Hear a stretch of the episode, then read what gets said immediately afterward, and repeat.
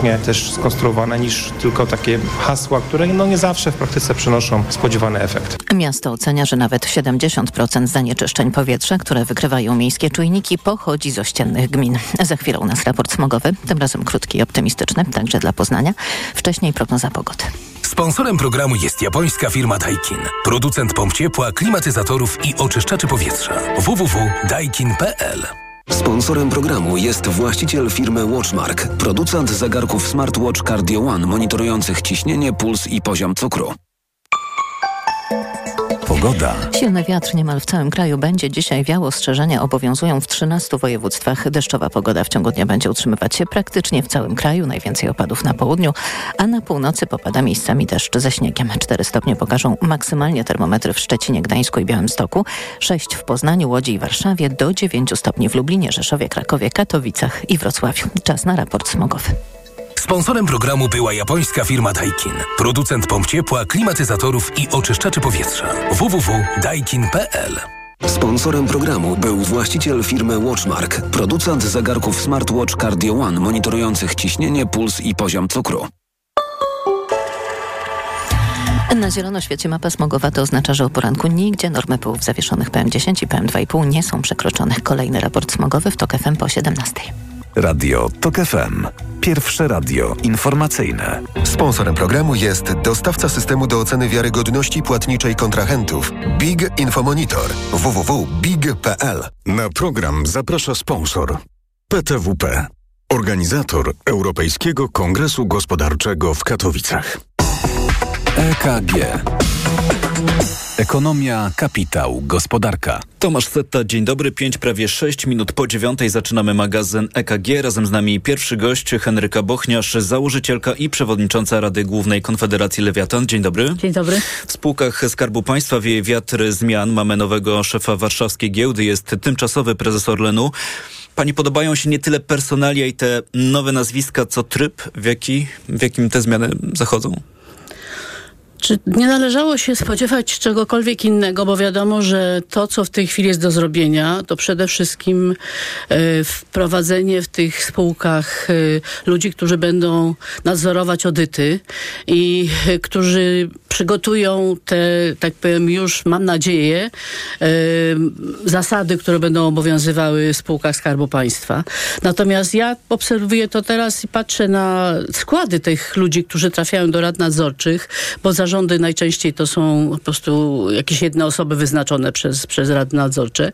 I to są w większości e, prawnicy, ludzie z uczelni, więc widać, że ministerstwo po prostu stara się uniknąć jakichś e, już skojarzeń wszystkim partyjnych i, i, i bierze tego typu ludzi. Natomiast to na pewno nie jest rozwiązanie docelowe, bo jeżeli mamy mówić o tym, że te spółki mają być dobrze zarządzane, to po pierwsze trzeba się doprowadzić do tego, żeby rady nadzorcze naprawdę pełniły swoją rolę. To nie mogą mogą być, tak powiem, ludzie, którzy przychodzą, biorą raz w miesiącu pieniądze i nie biorą żadnej odpowiedzialności. To Nawet zapytam, teraz, jaki jest ten docelowy model?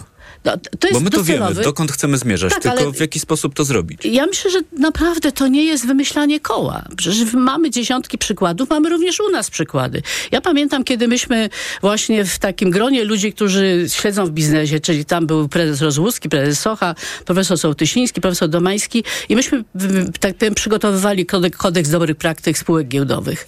I on został przyjęty, wprowadzony i działał. I tak samo się teraz musi zdarzyć. Ja rozmawiałam z ministrem Budką i namawiałam go właśnie do tego, żeby powołać dokładnie takie ciało, które przede wszystkim będzie znało rynek, będzie wiarygodne dla tego rynku i bardzo szybko przygotuje te zasady wyboru przede wszystkim członków rad nadzorczych. Bo jeśli chodzi o zarządy, to absolutnie muszą to robić e, headhunterzy, muszą to robić ludzie przygotowani. To jest proces, który trwa tygodnie czasami, żeby wybrać kogoś naprawdę dobrego. I w związku z tym robienie tego teraz to absolutnie by przeczyło tym zasadom. Więc myślę, że powinno być w tej chwili ustalone, ok, mamy te kilka miesięcy, żeby po prostu posprzątać żeby przygotować te zasady i wprowadzić ludzi, którzy rzeczywiście będą e, mieli doświadczenie w tym, jak się robi biznes w poszczególnych spółkach. No, Mówimy się, że tam o 30 spółkach tych strategicznych, tak? Bo ja już nie mówię o tych wszystkich tam po drodze, które jeszcze są i które pewnie w dużej części będą mogły być zlikwidowane, bo są ewidentnie tworami tylko i wyłącznie po to, żeby dać posady właśnie różnym pociotkom. Z tego co wiemy, w części przypadków jest rzeczywiście tak, że do zarządów trafiają oddelegowani członkowie rad nadzorczych i to rozwiązanie tymczasowe, bo zdaje się, że na termin nie dłuższy niż trzy miesiące. No tak, byleby rzeczywiście pilnować tego i tego musimy pilnować, żeby jak to zwykle w Polsce czas przejściowy nie stał się trwałym. To bo- też wiemy bo- z życia prywatnego, prawda, że No prowizorki sprawdzają się najlepiej, więc e, oby w tym przypadku mm, to powiedzenie się nie e, sprawdziło. To przejdźmy do e, kolejnego tematu, bo tak sobie pomyślałem, że możemy dzisiaj porozmawiać o energetyce, zwłaszcza, że do takiej dyskusji mamy nowy impuls. E, Ten impuls e, przypływa do nas z Brukseli, ponieważ Komisja Europejska ma nowy plan. Plan redukcji emisji dwutlenku węgla do 2040 roku w całej Unii powinniśmy go zredukować o 90% w porównaniu do lat 90. E, Wielkie zadanie. Pytanie, jak wielkie zadanie po naszej stronie w Polsce, tylko dodam, że to jest propozycja na razie Komisji Europejskiej, nie jeszcze wiążące No tak, ona musi zobowiązanie. być przyjęta przez 27 krajów. y, Będziemy mieć zmianę komisji, zmianę parlamentu, więc podchodziłabym do całej tej kwestii dość spokojnie. Myśmy mieli spotkanie i bardzo się cieszę, że w tym zgiełku i w tej takiej tymczasowości właśnie y, pan premier Pawlak jako szef Komisji Gospodarki y, i szef Komisji Klimatu, czy pan Kabrowski zrobili W spotkanie w Senacie na temat e, odnawialnych źródeł energii. I myślę, że to było bardzo e, pożyteczne i wydaje mi się takie optymistyczne spotkanie, bo po pierwsze by, byli tam przedstawiciele e, resortu nowi, pan minister Bando i e, pan minister e, Motyka i obaj po pierwsze no, wiedzieli o czym mówią, co już jest, tak powiem, pocieszające. Po drugie, no wyraźnie chcieli jakby, żeby te rozwiązania, które będą przyjmowane rzeczywiście były w konsultacji ze środowiskami gospodarczymi.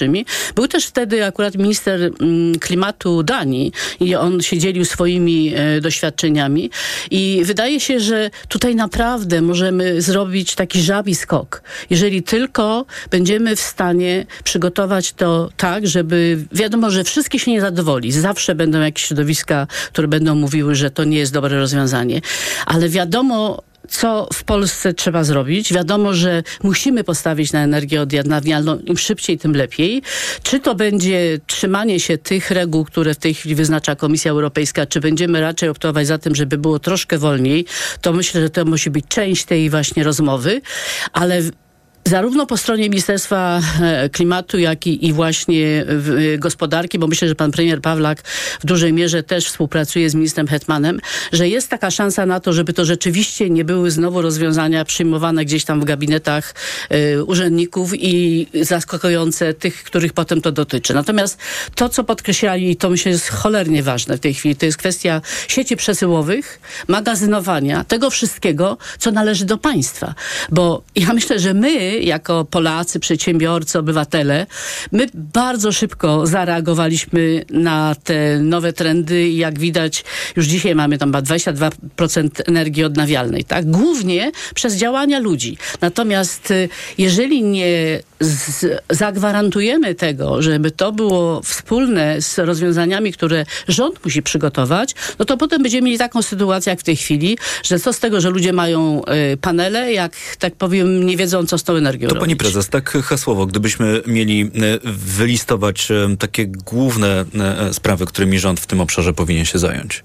Skoro myślę, mówimy że- o odpowiedzialności po stronie państwa. Myślę, że przede wszystkim to jest kwestia właśnie energii wiatrowej i tutaj oczywiście na pewno będzie gorąca dyskusja na temat odległości. Tak. Tak? widzieliśmy przedsmak tej dyskusji, No kiedy więc właśnie, pewnie skończy na jakimś kompromisie pojawił w Sejmie. 500, mogę się jakoś zakładać o to, ale, e, ale wydaje mi się, że to też jest do rozwiązania, tak? Natomiast najważniejsze to są właśnie te decyzje, które się wiążą też z KPO, tak? E, Dotyczące e, przede wszystkim magazynowania sieci przesyłowych, tak? Bo to są absolutnie rozwiązania niezbędne. I w ogóle na temat tego naszego Energy Mix, bo mówię, znowu bez przerwy wracają duże elektrownie jądrowe, małe elektrownie jądrowe. No po prostu trzeba wreszcie przyjąć jakiś plan strategiczny, trzymać się go i mam taką nadzieję, że niezależnie od tego, jakie będą kiedyś rozwiązania polityczne, bo wiadomo, to nie są projekty na 3-4 lata, tylko na dużo dłużej, że nie będzie tak, że potem przychodzi kolejna ekipa i mówi wszystko do kosza. No, z taką ponadpartyjną zgodą do tej pory mieliśmy problem. Rozumiem, że magazynowanie i przesył energii trochę chodzi o to, żeby mieć pomysł na to, w jaki sposób e, przechowywać w takim bardzo dużym uproszczeniu tę energię, którą e, przechwytujemy, czy to z wiatru, czy ze słońca, bo to dzisiaj jest największe wyzwanie. Dokładnie, Obok dokładnie. energetyki jądrowej, która działa w trochę inny sposób, czyli jest niezależna od e, pogody. Powiedzieliśmy o Krajowym Planie Odbudowy. E, W przyszłym tygodniu zbiera się, zdaje się, drugi raz w historii komitet monitorujący Tak, KPO. Takie społeczne ciało, które ma e, kontrolować e, w, w jaki sposób wykorzystujemy te pieniądze, chociaż wciąż jeszcze na nie czekamy. Słyszymy też ze strony rządu, że są plany renegocjacji tego Krajowego Planu Odbudowy. Pani rozmawiała z minister Pełczyńską-Nałęcz, która za ten temat właśnie odpowiada. Pytanie, czego możemy się spodziewać? I, i pytam tutaj i o te renegocjacje i ten zbliżający się komitet monitorujący. Y, Ja myślę, że y, po pierwsze wyrażenia z tego spotkania były takie, że pani minister Pełczyńska naprawdę e, w tak krótkim czasie bardzo szybko weszła w te wszystkie problemy E, i, i to na szczęście, bo tutaj rzeczywiście te t- terminy są bardzo gorące, tak? Bo jeżeli projekty mają według planu być zrealizowane do 2026, e, to wiadomo już, że to jest w przypadku wielu projektów, które są w polskim planie niemożliwe.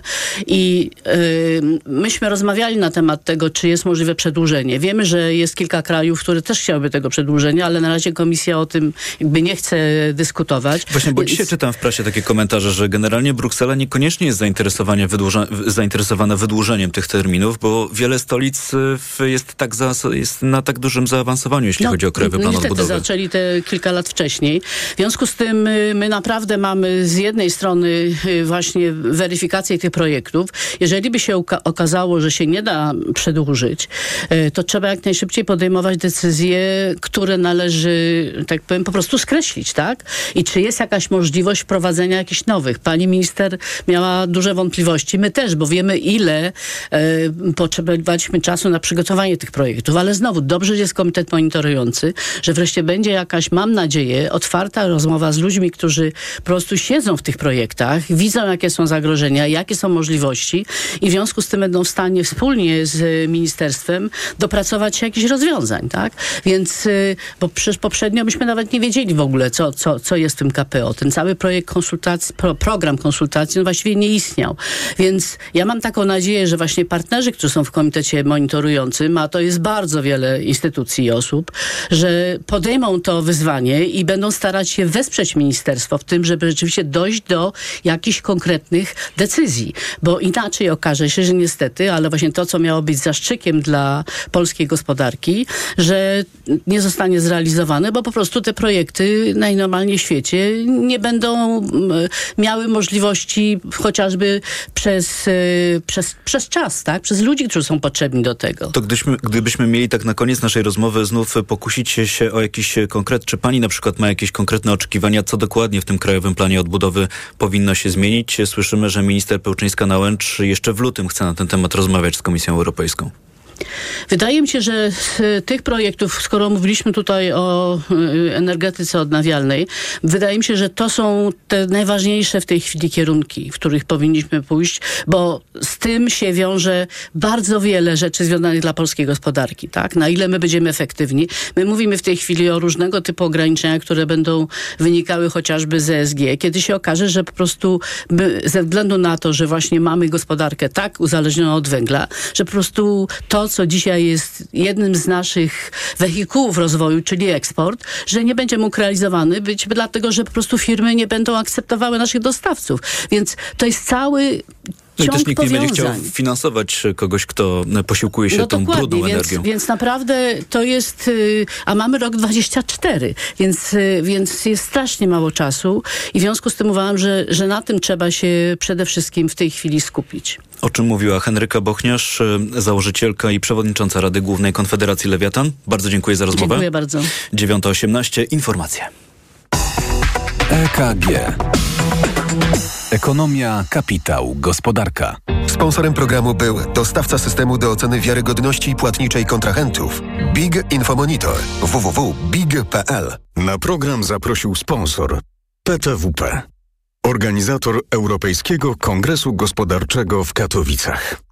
Autopromocja. Nie ma ludzi idealnych i nie ma idealnych związków, ale zawsze można znaleźć rozwiązanie. Tych najlepszych szukam razem z ekspertami, psychologami, terapeutami. Rozmawiamy o problemach i dylematach w związkach i relacjach, o których słuchaczki i słuchacze piszą do mnie w listach miłosnych. Listy miłosne. Tylko w Tok FM Premium. Zaprasza Dorota Wardecka. Posłuchaj na tokefm.pl ukośnik listy lub w aplikacji mobilnej Tok FM. Autopromocja. Reklama. W świecie, w którym na wszystko się czeka, mieli odwagę złamać zasady.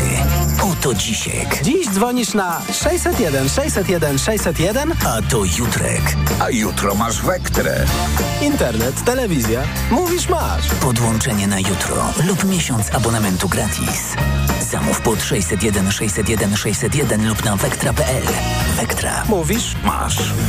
Materiał nie stanowi oferty. Cena zawiera rabaty, zasady i ograniczenia w regulaminach promocji. Porozmawiajmy o zakładaniu firmy. Jest z nami Radek Kotarski. Panie Radku, co to znaczy infaktować? Infaktować to prowadzić firmę bez zmartwień. Załóż firmę bezpłatnie i bez wychodzenia z domu na infakt.pl. Polecamy. Wodek Markowicz i Radek Kotarski. Kierowco, bądź przygotowany na wszystko, co może spotkać Cię w drodze i na parkingu. Poznaj wideorejestratory Garmin Dashcam, które wyróżnia solidna konstrukcja, świetna jakość nagrań i automatyczne wykrywanie zdarzeń. Twoje auto jest bezpieczne, nawet jeśli nie jesteś w pobliżu, dzięki funkcji ochrony parkingowej umożliwiającej podgląd na żywo.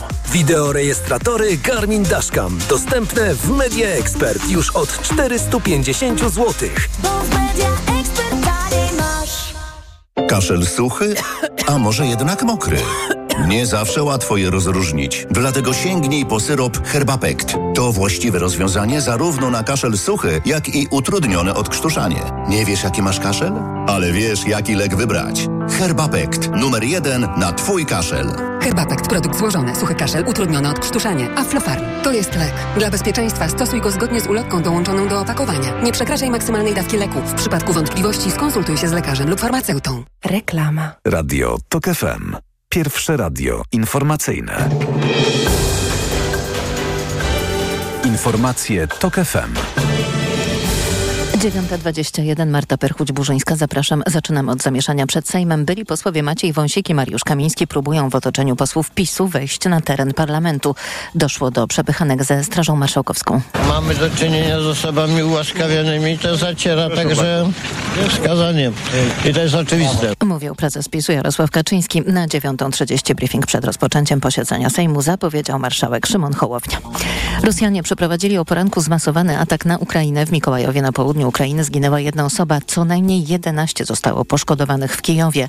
Pod gruzami częściowo zniszczonego przez rakiety bloku w ukraińskiej stolicy mogą znajdować się ludzie, informuje minister spraw wewnętrznych Ukrainy.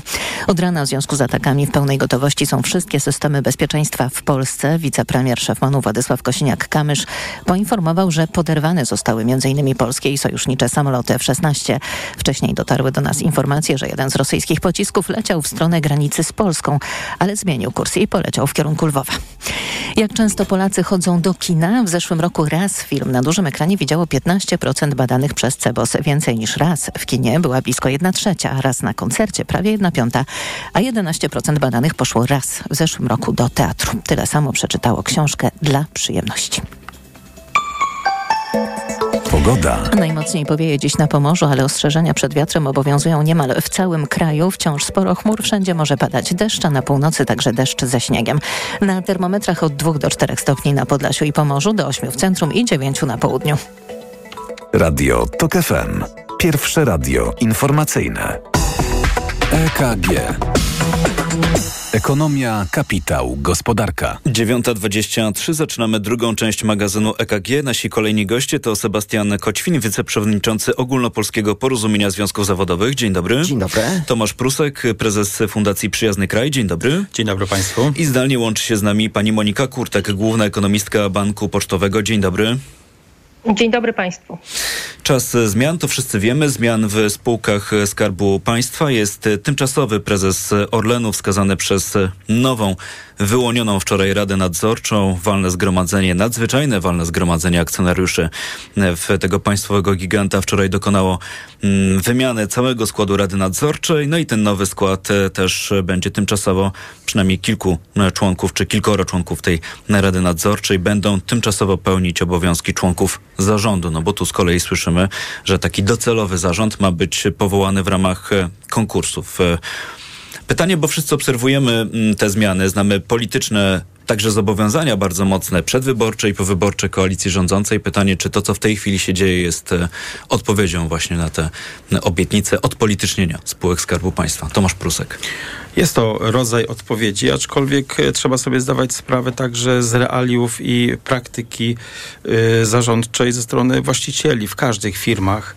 To jest tak, że y, jeżeli będą ogłaszane konkursy, pytanie jeszcze jest o, o, o warunki, które będą mieli spełniać kandydaci. Jeżeli będą to warunki bardzo, bardzo szerokie, wtedy z natury rzeczy liczba kandydatów spełniających te, te kryteria będzie, będzie bardzo szeroka i o wiele łatwiej łatwiej będzie wprowadzić osoby, które jednak cieszą się zaufaniem największego albo kluczowego właściciela, bo powiedzmy sobie szczerze, w niektórych spółkach Skarbu Państwa Skarb Państwa nie ma większości, tylko rządzi dzięki, dzięki uprzywilejowaniu akcji lub też swojej, swojej pozycji. I tutaj to na pewno jest spełnianie tej obietnicy, aczkolwiek kwestia konkursów wraca jak bumerang od co najmniej kilkunastu lat. Ja pamiętam jeszcze czasy koalicji PO-PSL. Bardzo często kończyło się niestety na, na, na słowach, kończyło się na konkursach, które, w których na mieście było wiadomo mniej więcej, kto ma szansę, a kto szans nie ma, więc gdybyśmy rzeczywiście... Czyli konkursy były, ale pozorowane. Nie chcę powiedzieć pozorowane, aczkolwiek tak były, tak były zorganizowane i ustawione warunki, że, że ostatecznie zyskiwały te osoby, które, które miały, miały zostać, bo były akceptowane przez głównego akcjonariusza. To skoro jesteśmy przy konkursach, wiemy, że zmiany zaszły też w spółce energetycznej Enea. Tam również jest taki model, że tymczasowo pełni obowiązki prezesa zarządu jeden z członków Rady Nadzorczej i ta nowa Rada Nadzorcza też rozpisała konkurs na uzupełnienie tego zarządu, w tym konkurs na nowego prezesa NEI. No i kiedy tak spoglądam sobie na oficjalne ogłoszenie, które znalazło się na stronie spółki, jakie trzeba spełnić wymagania, żeby w ogóle być branym pod uwagę, w, móc zgłosić się do tego typu stanowiska, to nie są to, nie jest to specjalnie wysoko powieszona poprzeczka, bo zacytuję tylko Państwu to jest tylko pięć punktów. Trzeba posiadać wyższe wykształcenie, posiadać, trzeba też posiadać co najmniej dziesięcioletni okres zatrudnienia albo wykonywać przez ten czas działalność gospodarczą. Trzeba też mieć co najmniej pięcioletnie doświadczenie na stanowiskach kierowniczych. Nie można też mieć żadnych ograniczeń lub zakazów w zajmowaniu stanowisk członka organu zarządzającego. No i ostatni piąty punkt, znajomość języka angielskiego. A jeśli chodzi o znajomość branży energetycznej, to jest to mile widziany dodatkowy warunek, ale nie ten jeden z pięciu podstawowych. Sebastian Koćwin, bo tak się zastanawiam, spółki Skarbu Państwa to nie tylko zarządy, ale też pracownicy. No właśnie i muszę powiedzieć, że jeżeli chodzi o akurat Orlen, no to rzeczywiście musimy oddzielić tą politykę i kwestie ekonomiczne od kwestii pracowniczych, bo też już mam sygnały, żeby zwrócić uwagę na to, że nie wszyscy pracownicy, którzy przyszli na przykład w 2016 roku, byli złymi pracownikami, aby na pewno trzeba się ich pozbywać. Druga sprawa, jeżeli chodzi o konkurs, no tutaj konkurs jest z takimi zasadami dosyć ogólnymi, bardzo dużo kandydatów może spełnić te wymogi, ale z drugiej strony można tak e, usztywnić te kryteria, aby tylko jedna osoba spełniała e, te kryteria.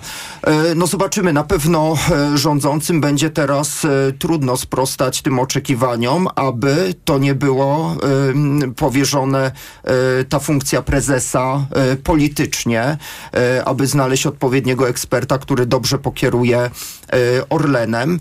No ale też niezwykle ważne są te kwestie właśnie pracownicze, aby pracownicy nie czuli, że ta sytuacja w spółce jest gorsza niż była wcześniej. To mówił Sebastian Koćwin. Ja wracam do tych obietnic wyborczych i tak próbuję zderzyć to z tym wszystkim, co teraz obserwujemy w spółkach Skarbu Państwa bo widzę w jaki sposób zmienia się trochę dyskusja, czy klimat dyskusji wokół tego typu spraw. Były bardzo mocne zapowiedzi odpolitycznienia spółek Skarbu Państwa, bez konkretów. Mm, I, i, I, dzisiaj słyszę trochę inny jednak e, ton tej dyskusji. To znaczy, nie da się zupełnie tych spraw od siebie e, odseparować, a w przypadku spółek strategicznych mm, też całkiem się nie da wykluczyć e, tego wpływu polityki czy rządzących, no bo nie można tego też pozostawić nawet najlepszemu menedżerowi, ale takiemu, który będzie swobodnie decydował o jednak, umówmy się, zasobach strategicznych. Myślę na przykład w tym sektorze paliwowym czy energetycznym. I tutaj, gdzie jest Tu jakaś odpowiedzialność po stronie państwa, rządu, czyli polityków też jest. Tak, i tu tutaj jest spółka strategiczna, ale mamy też Zakład Ubezpieczeń Społecznych, który e, dysponuje ogromnymi środkami. Tam też jest problem z wyborem e, prezesa, chociaż e, e reguły są wyboru troszeczkę, troszeczkę jednak inne i faktycznie no to musi być jednak osoba e, i rzetelna i w pewien sposób e, zaufana, no bo jednak dysponuje ogromnymi środkami, więc bardzo trudno jest na pewno to wyważyć tak, aby jednocześnie była to osoba, która dobrze będzie zarządzać e, daną jednostką e, czy spółką, a jednocześnie będzie szanować prawa pracownicze. Mówił pan Sebastian Koćwin, bardzo dziękuję. E, wspomniałem o tym, że mamy tymczasowego prezesa Orlenu pełniącego obowiązki, to jeszcze tylko mm, z obowiązku takiego kronikarskiego. Tym pełniącym obowiązki został Witold Literacki. Jak czytamy w komunikacie giełdowym spółki, jest ekspertem w dziedzinie finansów i podatków. Od wielu lat związany zawodowo z branżą paliwowo-energetyczną. Do tej pory pełnił funkcję dyrektora finansowego w PERN.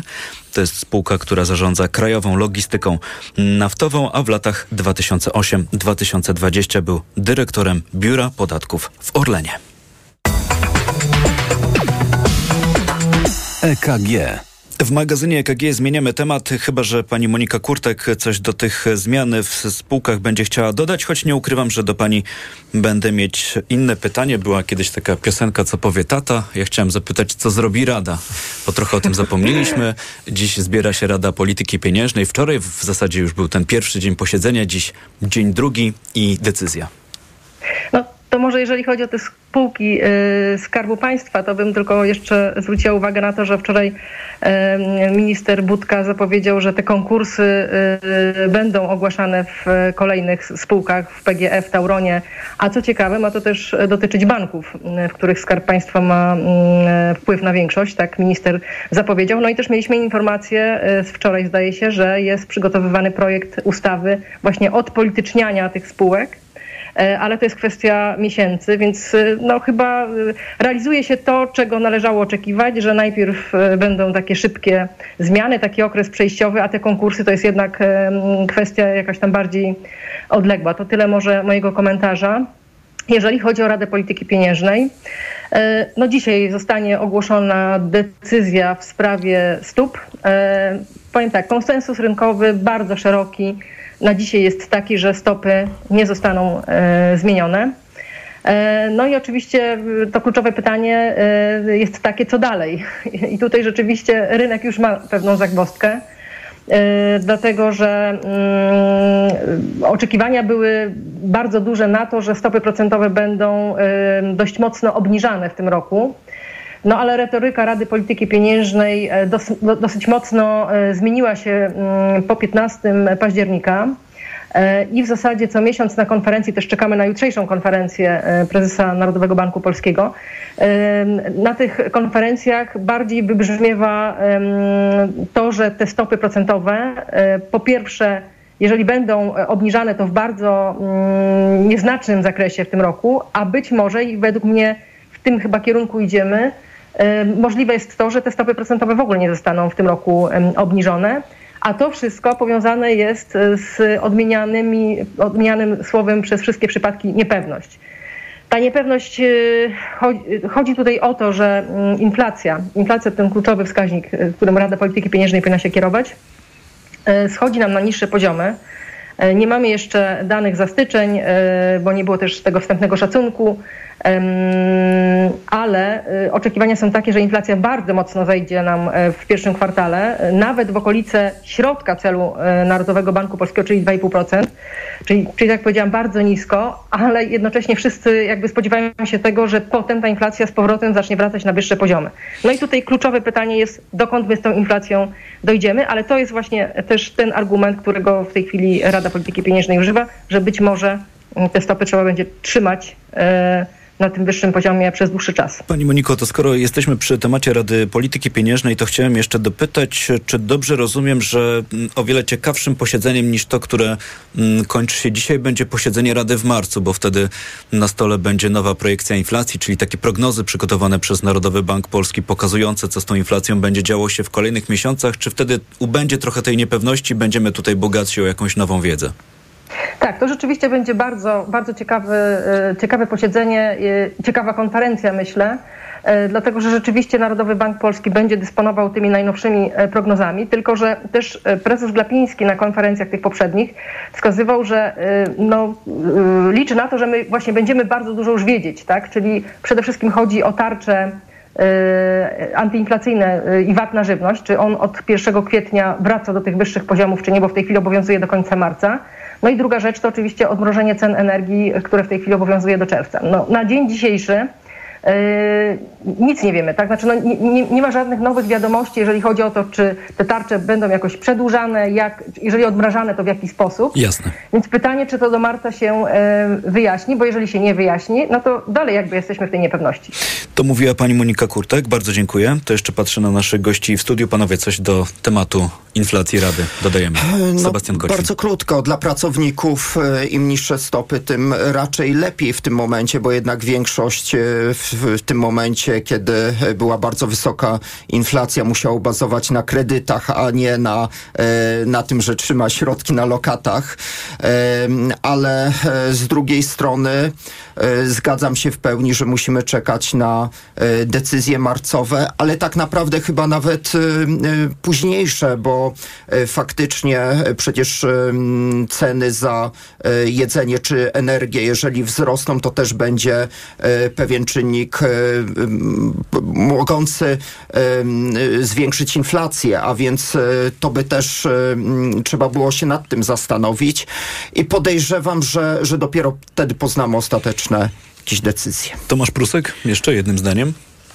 Presja e, płacowa w firmach ustanie lub też zmniejszy się właśnie wtedy, kiedy spadnie, znaczy spowolni inflacja oraz wtedy, kiedy e, w dół pójdą e, stopy procentowe, co będzie tego konsekwencją.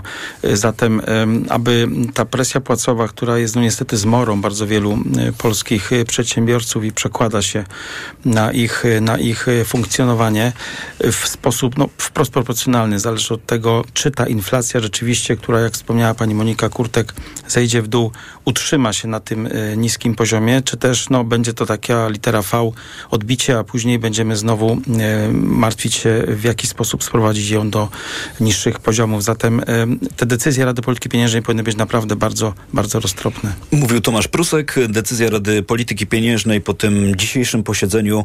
Mm, poznamy ją po południu, chociaż nie wiemy o której godzinie. Mm, miesiąc temu, jeśli dobrze pamiętam, to było przed godziną 15, więc stosunkowo wcześnie, co też może świadczyć o tym, że nie było tutaj przesadnie długiej dyskusji pomiędzy członkami Rady, jaką decyzję podjąć. Jak będzie dziś. Tutaj musimy podtrzymać Państwa w niepewności. Teraz jest 9.37. Informacje, po nich wracamy.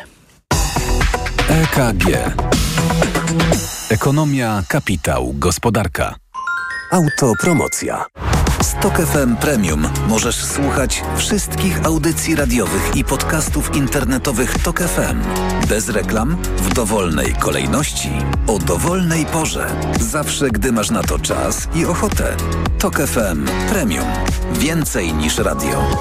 Szczegóły oferty znajdziesz na tokefm.pl Autopromocja. Reklama. RTV Euro AGD. Czas na czyszczenie magazynów. Przeceny na tysiące produktów. OLED 55 cali. LG. Najniższa cena z ostatnich 30 dni przed obniżką to 5499. Teraz za 4999 zł. I aż 30 raty 0% na cały asortyment. Z wyłączeniem produktów Apple. I do czerwca nie płacisz. RRSO 0%. Promocja ratalna do 15 lutego. Regulamin w sklepach i na euro.com.pl. Stosujesz kapsułki wspierające zdrowie wątroby? Wypróbuj nowość. Esselif 600. Dlaczego? Esselif 600 to aż 600 mg fosfolipidum essentiale z nasion soi w jednej kapsułce. Suplement diety Esselif 600 stosuje się raz dziennie, a opakowanie wystarcza na 50 dni. Zapytaj w aptece o Esselif 600, a cena na pewno pozytywnie Cię zaskoczy. Esselif 600. Zdrowie dla wątroby, korzyść dla portfela. Wyciąg z ostryżu długiego wspiera zachowanie zdrowej wątroby. Aflofarm. Gdy za oknem zawierucha, cierpi na tym nos malucha. Aromactive. Plaster mały wnet uwalnia zapach cały i troskliwie nos otacza. Lekki oddech szybko wkracza. Aromactive zmniejsza troski. Pielęgnuje małe noski.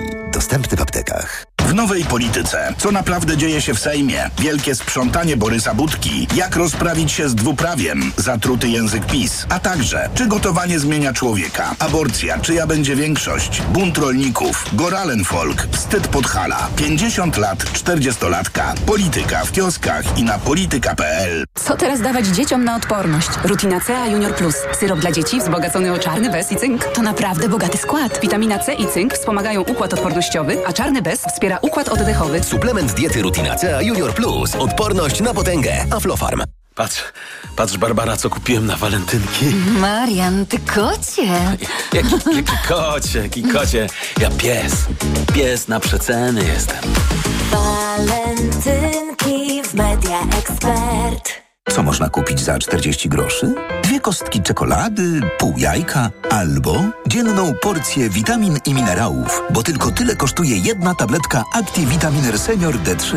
Suplementy diety ActiVitaminer Senior D3 to witaminy i minerały wzbogacone aż o 2000 jednostek witaminy D3, tak potrzebnej jesienią i zimą. ActiVitaminer Senior D3 znajdziesz w swojej aptece w bardzo dobrej cenie. Witamina D pomaga w prawidłowym funkcjonowaniu układu odpornościowego. Aflofarm. Więcej na vitaminer.pl przed Państwem najbardziej wyczekiwane egzemplarze dzisiejszych wyprzedaży. Suwy Forda, Puma i Kuga. Stylowe, komfortowe, bogato wyposażone i oszczędne. Po raz pierwszy, po raz drugi. O, już sprzedane? Suwy Forda, Puma i Kuga znikają w mgnieniu oka w mocnej limitowanej wyprzedaży rocznika. Tylko teraz z korzyścią finansową do 39 tysięcy złotych i pakietem 4 lat ochrony. Ford Protect, gwarancją i serwisem w cenie samochodu.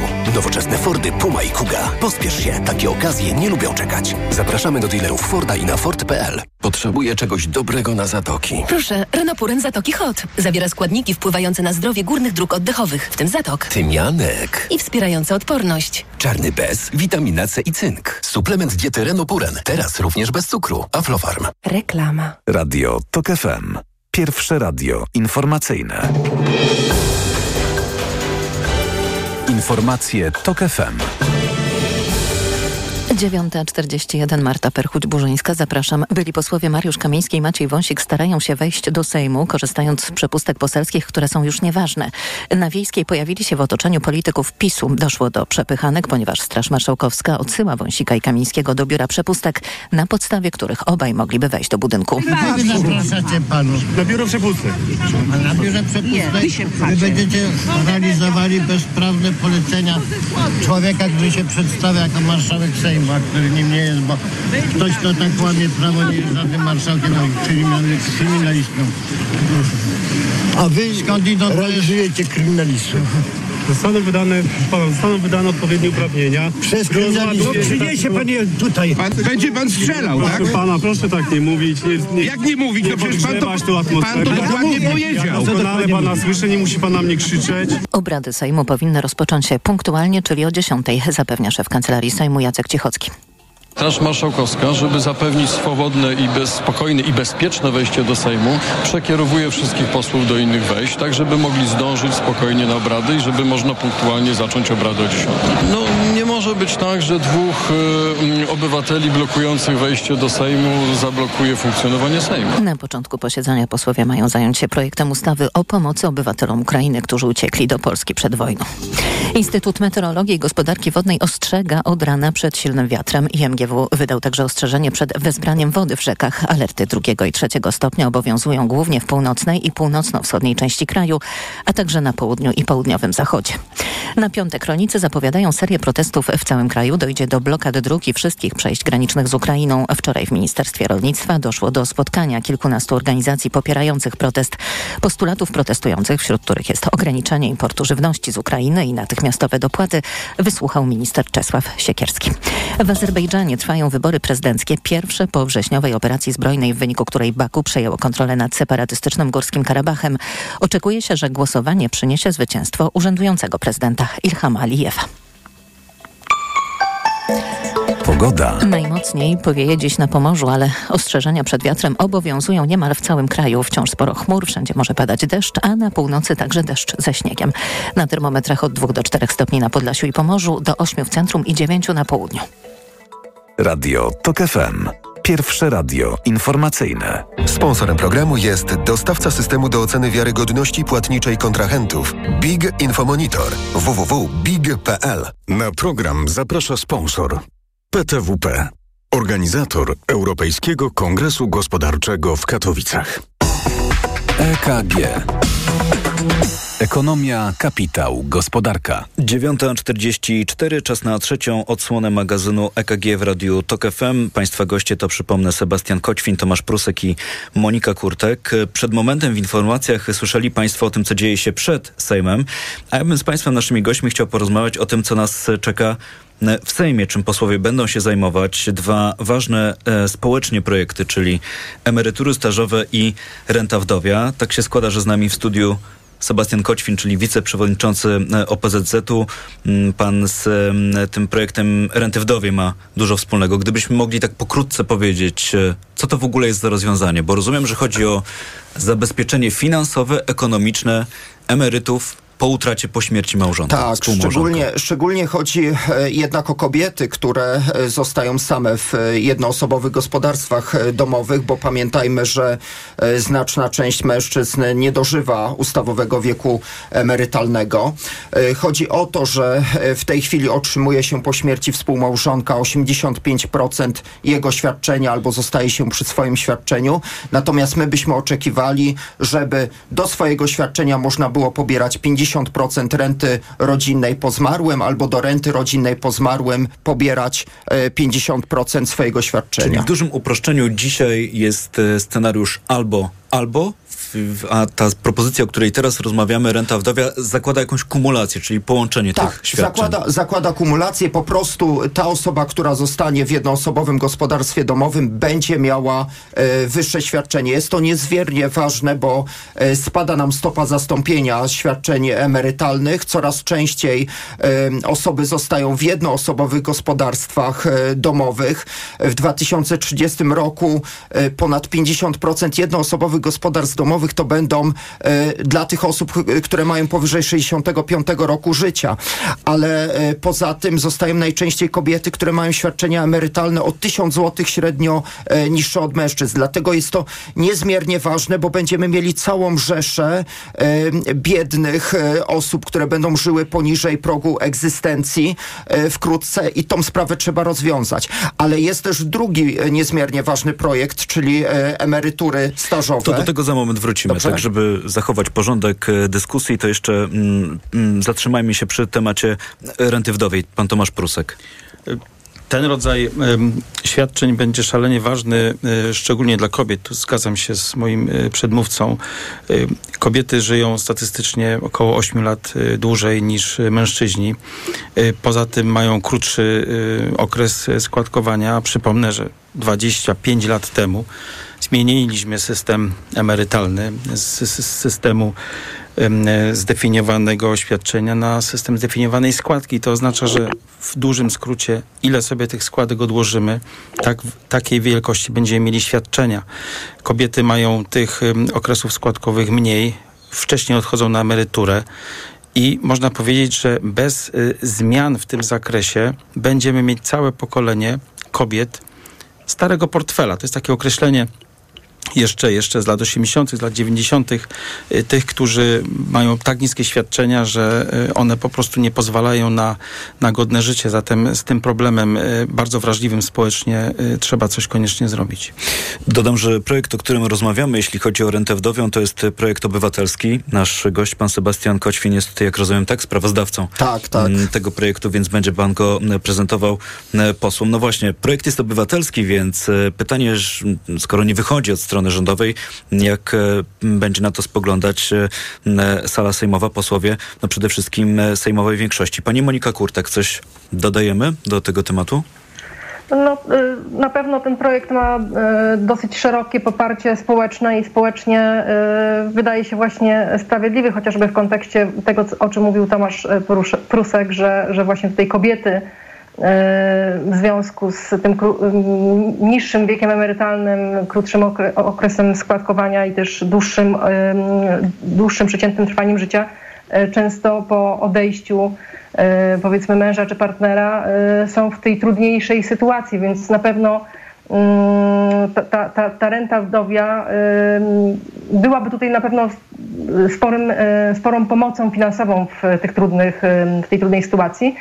E, oczywiście no, drugim, jakby drugą stroną tego medalu są koszty dla budżetu państwa, dla finansów publicznych, no ale wyda, wydaje się, że po stronie rządowej poparcie też dla tego projektu jest dosyć duże, tak? Wręcz po stronie Ministerstwa pracy mamy zapewnienie, że są środki na to, żeby e, ta ustawa już w tym roku weszła w życie i zaczęła obowiązywać.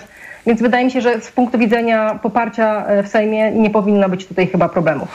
To mówiła pani Monika Kurtek. Bardzo dziękuję. To obiecałem, wróćmy krótko do tych emerytur stażowych. Mówię krótko, dlatego że jakby idea jest tutaj, wydaje mi się, bardziej rozpowszechniona i znana. Wiemy, na czym to polega. Tylko tak się zastanawiam, bo tutaj jest mowa o tym, stażu, tak? Czyli o tym okresie, jaki trzeba będzie e, e, spełnić, żeby móc na taką emeryturę przejść. 35 lat dla kobiet i 40 lat dla mężczyzn. Ale tu muszę dopytać, to jest okres pracy, zatrudnienia, czy okres składkowy? Czy tu jest jakaś różnica? To jest y, okres stażu tak, czyli ubezpieczeniowego, czyli będą i okresy składkowe, i okresy nieskładkowe. Te nieskładkowe e, liczone jedna trzecia okresów e, e składkowych, więc powiem w ten sposób, że jest też, pamiętajmy, projekt poprzedniego rządu, który zakładał 43-38, jest projekt obywatelski 40-35 i jest projekt Lewicy, która wspólnie z nami złożyła projekt również zakładający 43 35. No i będziemy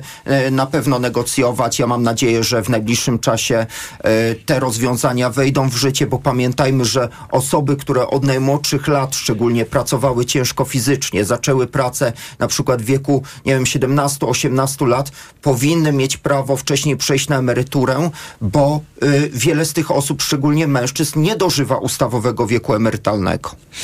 To mówił pan Sebastian Koćwin. My oczywiście będziemy z uwagą śledzić pracę nad tymi obywatelskimi e, projektami. Przypomnę, rozmawialiśmy o rencie wdowiej i o emeryturach stażowych. EKG. 9.51, no to w magazynie EKG czas na zdziwienia. Pani Monika Kurtek na początek. To mnie bardzo zdziwiła e, informacja sprzed bodaj chyba dwóch dni dotycząca dymisji szefowej e, Banku Centralnego Turcji, pani Erkan. Przypomnę, że e, no po pierwsze kobieta na, na takim stanowisku w Turcji to, to, było też, to było też duże zaskoczenie wtedy, kiedy została przez prezydenta Erdoana powołana. Osoba 44-letnia z dużym już doświadczeniem w jednym z banków też amerykańskich. Bardzo pozytywnie zostało przyjęte jej powołanie w czerwcu ubiegłego roku. E, bo tutaj też Państwu przypomnę, że Turcja to jest ten kraj, który zmaga się z gigantyczną inflacją, z no, w ogóle historycznymi osłabieniami waluty, no i generalnie dużymi problemami gospodarczymi. Teraz proszę mi poprawić, ta inflacja właśnie... to ponad 60%, tak? Dokładnie tak. I powołanie, oczywiście to powołanie odbyło się już po wyborach, prawda, w Turcji.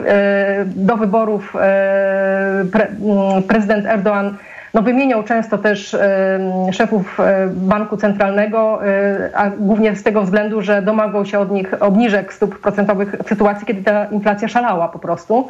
Zupełnie niestandardowa polityka. Ci, ci szefowie banków centralnych rzeczywiście te stopy obniżali. No i po wyborach nastąpiła ta zmiana, powołanie pani Erkan i oczekiwania rynkowe były takie, zresztą bardzo szybko to udowodniła, że tę politykę pieniężną y, sprowadzi na właściwą drogę. I rzeczywiście zaczęły się bardzo silne podwyżki stóp procentowych. W, czerwcu y, ta stopa procentowa w Turcji była 8,5%, a w tej chwili w styczniu po ostatniej podwyżce ona wynosi 45%. Więc rzeczywiście była realizowana ta, ta, ta prawidłowa, bym powiedziała, w warunkach wysokiej inflacji y, i słabego, słabej liry polityka. Natomiast właśnie dwa dni temu pojawiła się informacja, że pani Erkan już szefową tureckiego banku centralnego nie jest. Czyli projekt nie wypalił, mówiąc kolokwialnie. Korupcyjne, dokładnie niepotwierdzone. No ale i teraz właśnie pytanie, rynki oczywiście zareagowały bardzo też negatywnie. Ta lira turecka ponownie osłabiła się do historycznie rekordowo wysokich poziomów.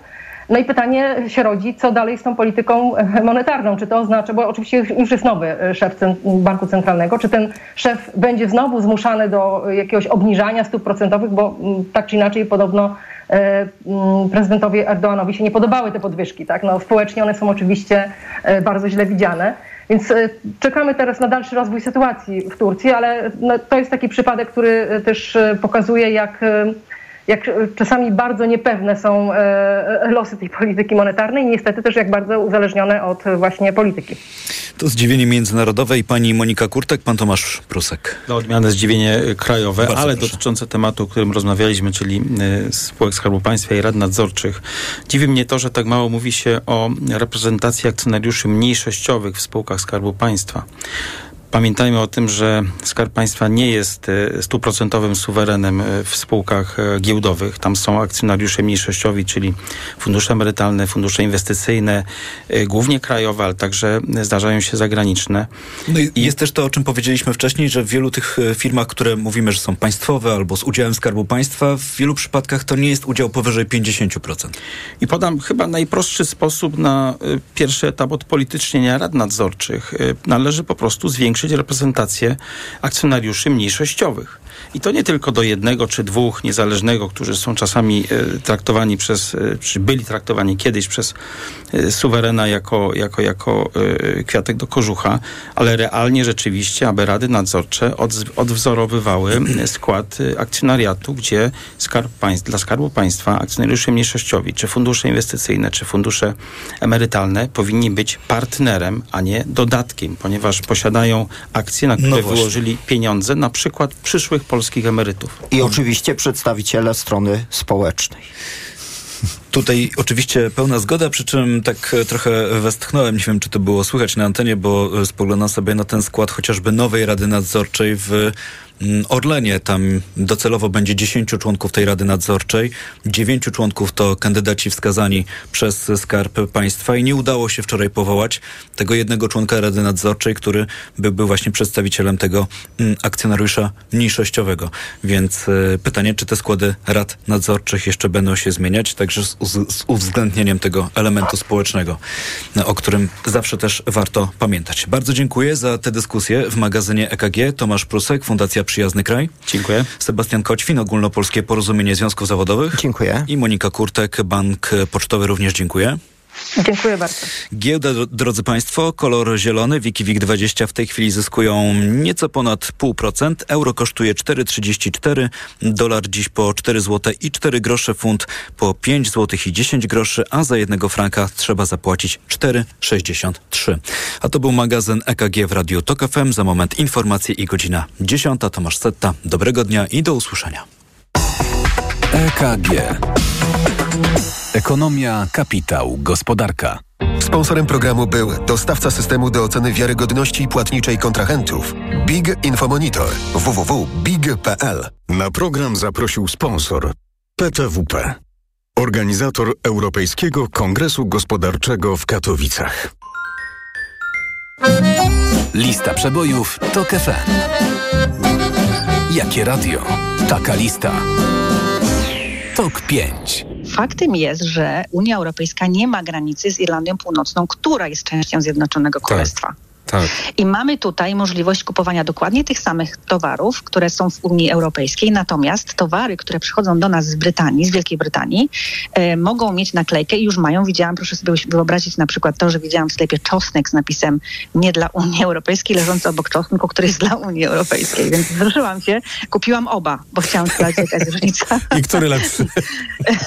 No i właśnie jestem w strasznej kropce, bo nie widziałam różnicy, ale może ja mam jakieś stępione poprzez to, że jem brytyjską kuchnię, mam zmienione kubki smakowe.